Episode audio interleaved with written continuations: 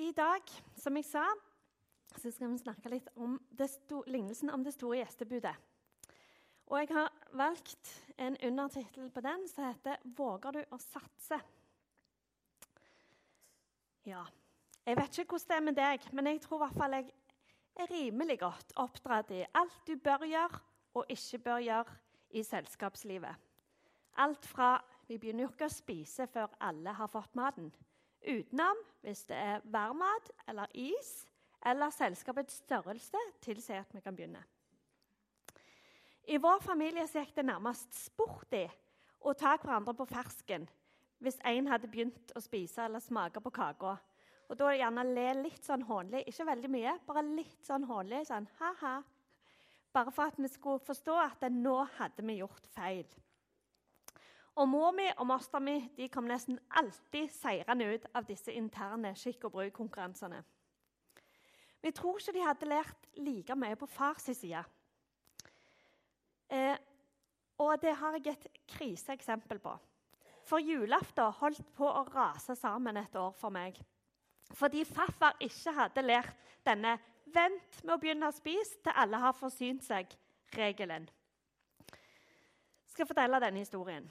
Det var julaften, og den årlige familietradisjonen eh, til familien vår med å synge for pasientene på gamle Stavanger sykehus her borte, den var vel dratt i havn i år òg. Og julegudstjenesten gikk ganske tregt, men barnas høydepunkt nærma seg. Vi satt rundt middagsbordet, hadde spist pinnekjøtt, og desserten var kommet på bordet. Riskrem med mandler. Og jeg hadde så lyst på denne hvite marsipangrisen som sto på bordet. Så jeg håpte så jeg hadde vondt i magen på at jeg skulle finne den. Og stemningen, atmosfæren, bare dirret av forventning. Får jeg denne mandelen i år eller ikke?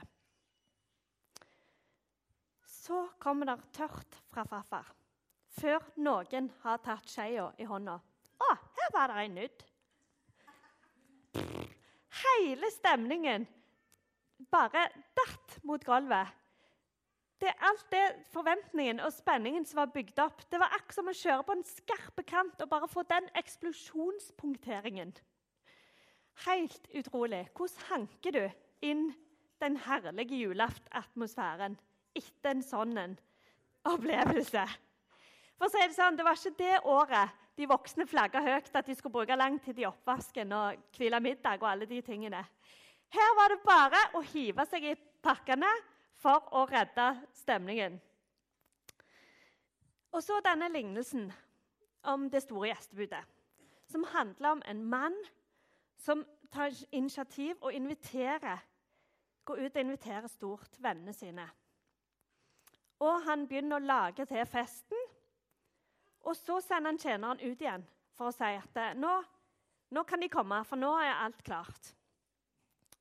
Og han, eh, tjeneren går ut og sier at nå er festen klar, nå må dere komme. Og så er den ene etter den andre melder avbud. En sier at nei, du ser det, jeg har kjøpt meg et jordstykke, så jeg kan ikke komme. Og den andre sier du ser det at jeg har kjøpt meg fem par okser, og jeg må ut og prøve dem så jeg kan dessverre ikke komme.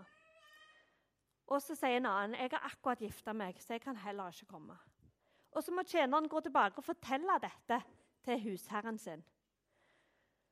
Og da leser vi fra Lukas 14, vers 21-23. Da ble husherren sint og sa til tjeneren sin.: Gå straks ut på byens gater og torg. Hent inn fattige og uføre, blinde og lamme. Tjeneren kom tilbake og sa, 'Herre, jeg har gjort som du sa, men det er ennå plass.' Da sa Herren til tjeneren, 'Gå ut på veiene, stiene og nød folk til å komme, så huset mitt kan bli fullt.'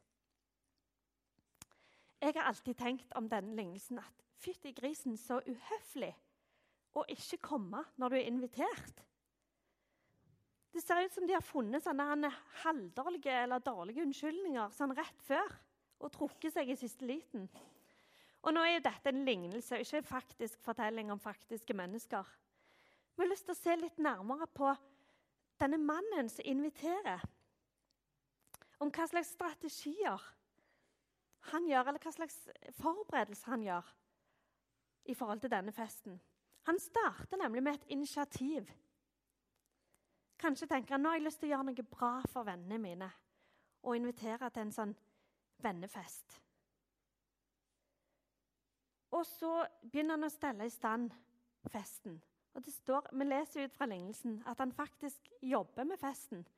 Fordi det står at eh, når alt er klart, så sender han tjeneren ut igjen. Så han gjør en innsats for å forberede festen. Og så kommer tjeneren tilbake og sier at én etter én har trukket seg.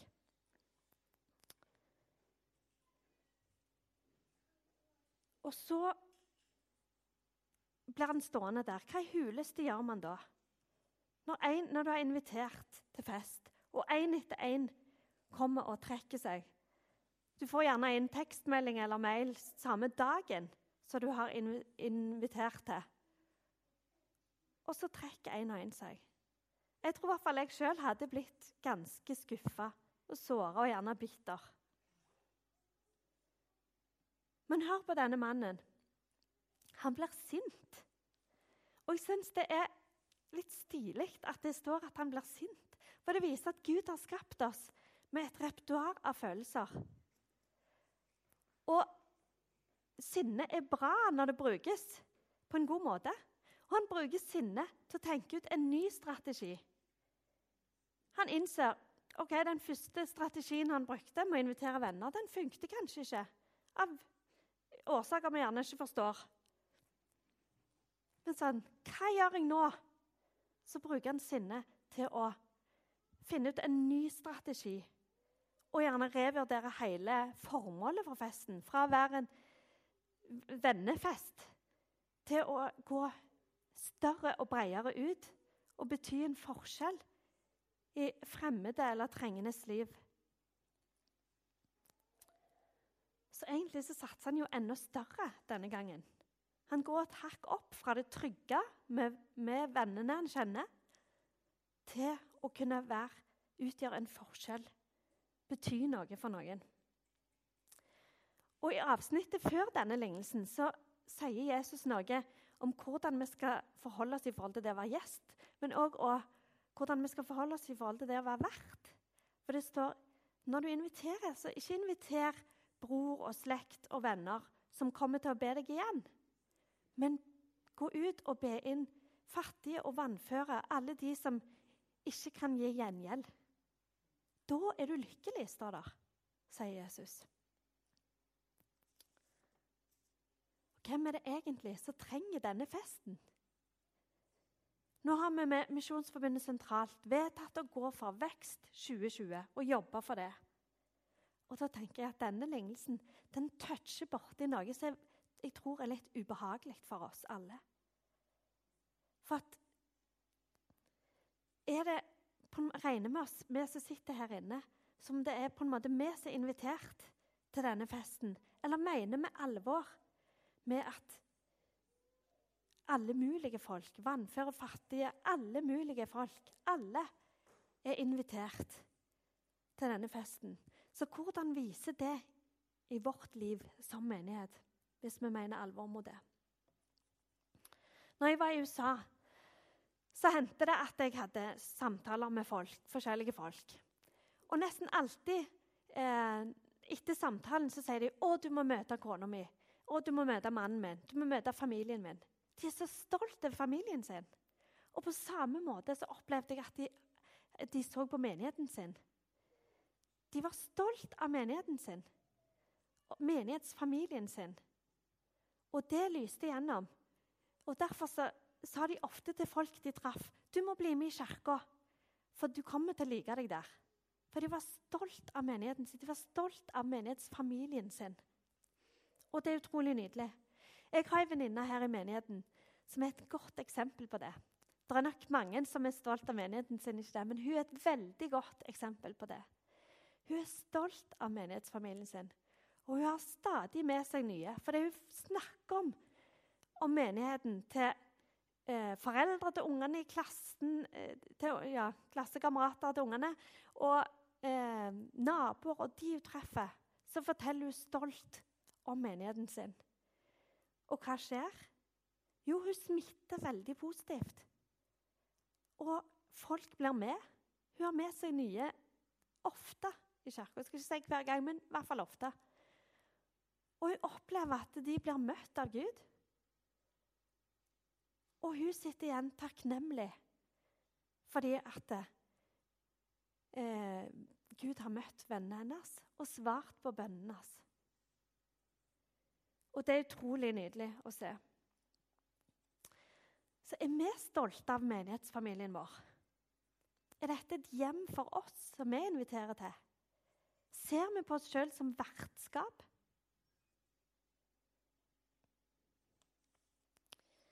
Og som denne mannen som inviterer Jeg liker å kalle han initiativtakeren. Er vi en som han kan regne med?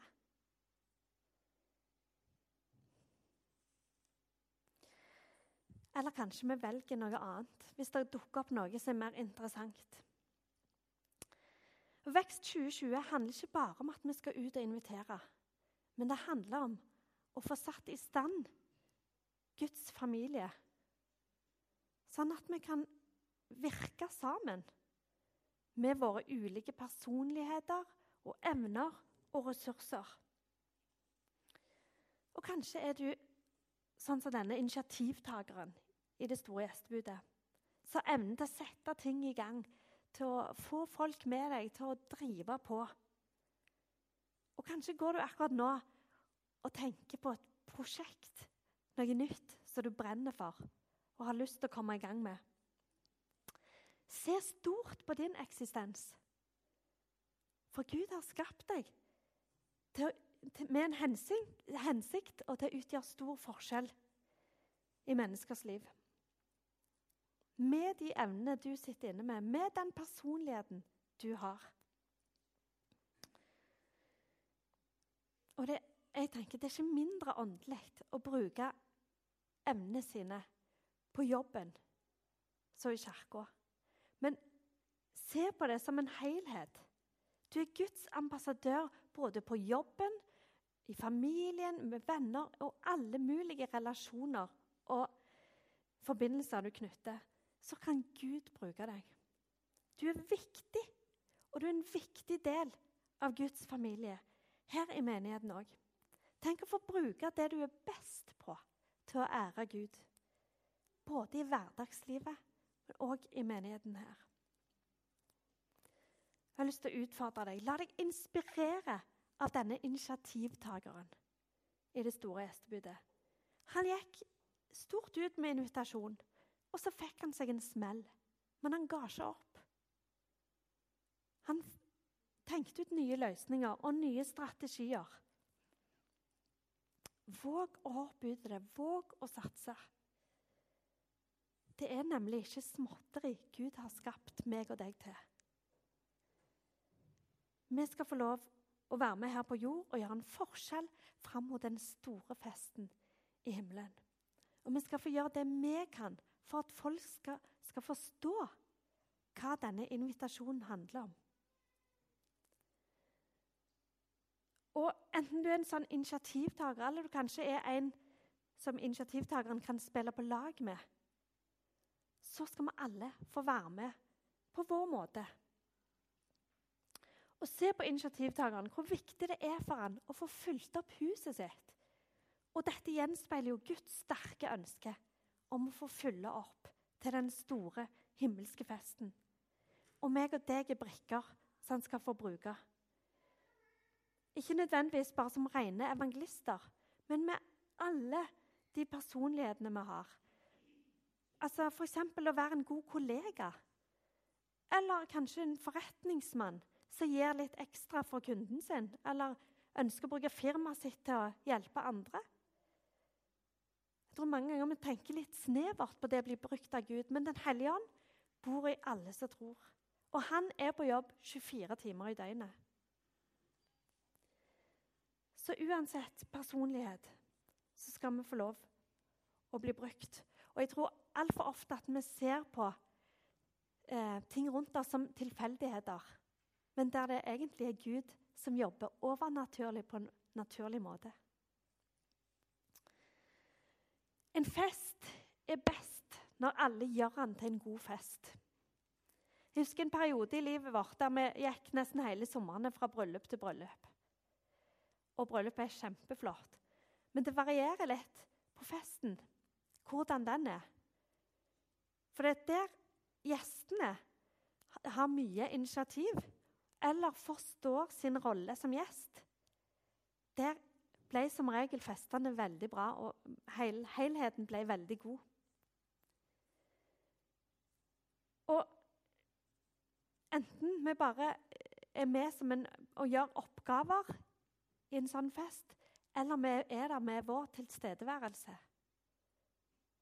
så er vår bevissthet om det å være gjest, hva, hva det handler om Hvis vi, hvis vi som gjester klarer å eh, være med og belyse eh, festens formål, og være med å gjøre det tydelig hvorfor fester vi, hva er det vi feirer så blir det en god fest. Hvis du er den som inviterer, så planlegger du. Så lager du mat og drikke og alt det som gjesten trenger. Men vi trenger òg gjesten. For uten gjester, uten at gjestene takker ja, så blir det ingen fest. Og gjestene Det er utrolig viktig at de er med og takker ja, og at de er med og skaper en god stemning og belyse hva festen handler om. F.eks. når vi blir invitert til bryllup. For at vi skal vite at det er bryllup vi er invitert til, så er det viktig at det kommer klart fram i innbydelsen. At ikke det er forvirrende hva det handler om. Og når festen kommer, at vi ser at det er brud og brudgom som er pynta i finstas, at det er vielse og gjester og alt det som hører med at det er tydelig hva arrangementet handler om. Og Jeg tror mange ganger at folk opplever det utydelig, det som kirke, og forvirrende, det som kirka handler om. Jeg tror mange i dag sliter med å se hva budskapet egentlig er. For jeg tror muligens at vi har rota det litt til. At de ser alle mulige andre ting at budskapet eh, og invitasjonen til Jesus, til denne faktiske himmelske festen, er blitt utydelig og gjerne drukna i alt mulig annet. Men vi som enkeltmennesker og som menighet skal få være med og gjøre det vi kan for, å, for at det ultimate kjærlighetsbudskapet skal bli tydelig og klart for folk. Enten det er gjennom at vi er en forretningsmann som vil hjelpe andre, eller det er ved å være et godt medmenneske, en god kollega, en god nabo, så kan vi få være med med våre evner til å gjøre dette kjærlighetsbudskapet klart og tydelig. Eller du gjerne ønsker å bidra med dine evner i menigheten, sånn at vi kan formidle budskapet om Jesus klart og tydelig her. Og den formidlingen, bare for å få litt perspektiv på det, den begynner på parkeringsplassen og fortsetter ved dørterskelen. Og når prekenen begynner, så har formidlingen pågått lenge. For alt vi er, og alt vi gjør, er formidling. Og jeg håper og ber om at den formidlingen reflekterer Bibelens budskap. Hva er din plass? Våg å hoppe i det. Våg å satse. Kanskje noen av dere har hørt om um, Tom Shoes, altså Tom Sko. Det handler om en mann eh, som heter Blake Mikoski, som var ute og reiste i Argentina. Og så ser han masse barn som har fotsår og sykdommer i føttene pga. at de mangler sko. Samtidig så oppdaget han en lokal skotype som han senere fikk eh, amerikanske produsenter til å produsere. Og Så begynner han å selge dem med ideen 'one for one'. Altså Når vi kjøper et par med Tom-sko, så er det noen andre som får et par gratis, som trenger det. Og sånn vågte han å satse. Han jobbet ikke i skoindustrien i det hele tatt, men han vågte å satse. Han vågte å være med og bety noe for noen. Og hadde han ikke gjort det, så hadde det vært mange som hadde mangla sko. Enda flere enn det er i dag. Og moder Teresa kjenner vi, som levde for å gi godhet og kjærlighet til folk. Og hun òg vågde å satse. Hun vågde å hoppe ute i denne livsstilen som hun levde. Og Martin Luther King han hadde et ferdig manuskript Men når vi hører denne kjente talen, der han taler om de mørkhuda i USA som har opplevd slaveri og urettferdighet. Og der han begynner i denne talen å tenne håp i folk om at dette skillet en dag skal ta slutt. Og folk blir engasjert av å høre på han, og de begynner å rope til han, 'Preach it!' og 'Tal til oss! Kom igjen!' Og så ser vi etter hvert at når han begynner å fortelle historier om hva de mørkhuda har opplevd, så blir han følelsesmessig engasjert. Og så ser vi tydelig at han slutter å se ned på manus. Og så kommer vi til 'I have a dream'. Jeg har denne drømmen. Og så våger han å sette ord på en drøm som antageligvis mange har gått og båret på, som nesten ikke har tørt å tenke tanken kanskje en gang. Og så får dette utrolig konsekvenser og utgjør en stor forskjell i verden.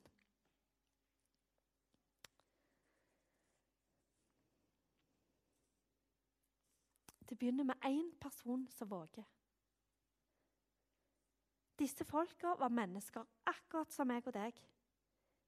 Men én ting har de til felles. Én ting gjorde de. De vågte å satse.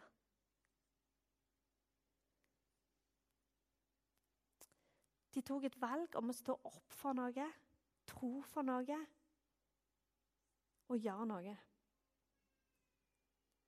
Og jeg tenker De har nok hatt mange dager de også, der de skulle ønske at de bare hadde valgt å gå, som, gå, leve som, gå etter strømmen, heter det. Eh, og bare levd vanlige liv. Men hvis de hadde gjort det, så hadde de ikke fått den store betydningen. Så hadde de ikke fått vært med å bety noe for noen. Hva er det du har gått og drømt om og tenkt på? Som du gjerne brenner for? Hvem er det du tenker at du kan bety noe for i ditt liv? I dag har du muligheten til å gjøre noe med din drøm. Enten du tenker at det er bare en bitte liten drøm eller en svær drøm. I dag kan du faktisk gjøre noe med det. Og ikke på en måte som du tenker nå må jeg prestere en drøm og, og, og få høye skuldre, for at nå må jeg gjøre en hel masse ting. Men det kan begynne helt i det små. Med den personen du er skapt til å være. For Gud har nok lagt noe bra på hver og en sitt hjerte. Og han har skreddersydd deg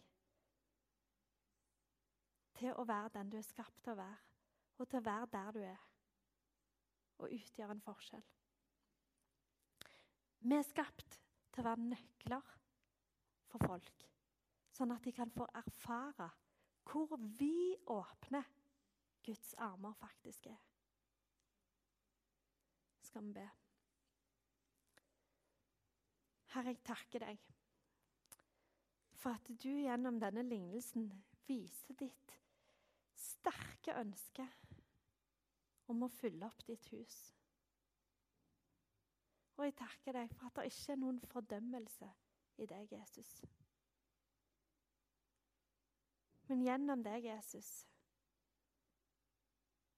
så er det bare godhet og kjærlighet og glede. Her jeg ber om at du skal møte hver og en av oss akkurat der vi sitter nå.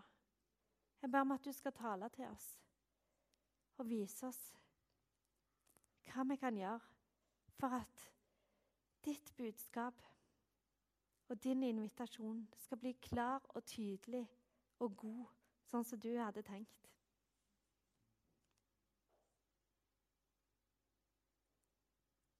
Vis oss hvem som trenger deg i dag, Jesus. La oss få lov å være med og spille på, på lag, Herre, sammen og sammen med deg. Fram mot den fantastiske festen som Martin Luther King faktisk avslutta talen sin med. Og tegne et bilde av denne himmelske festen der vi skal få stå sammen. På tross av hudfarge og bakgrunn og status. Der det ikke betyr noe lenger.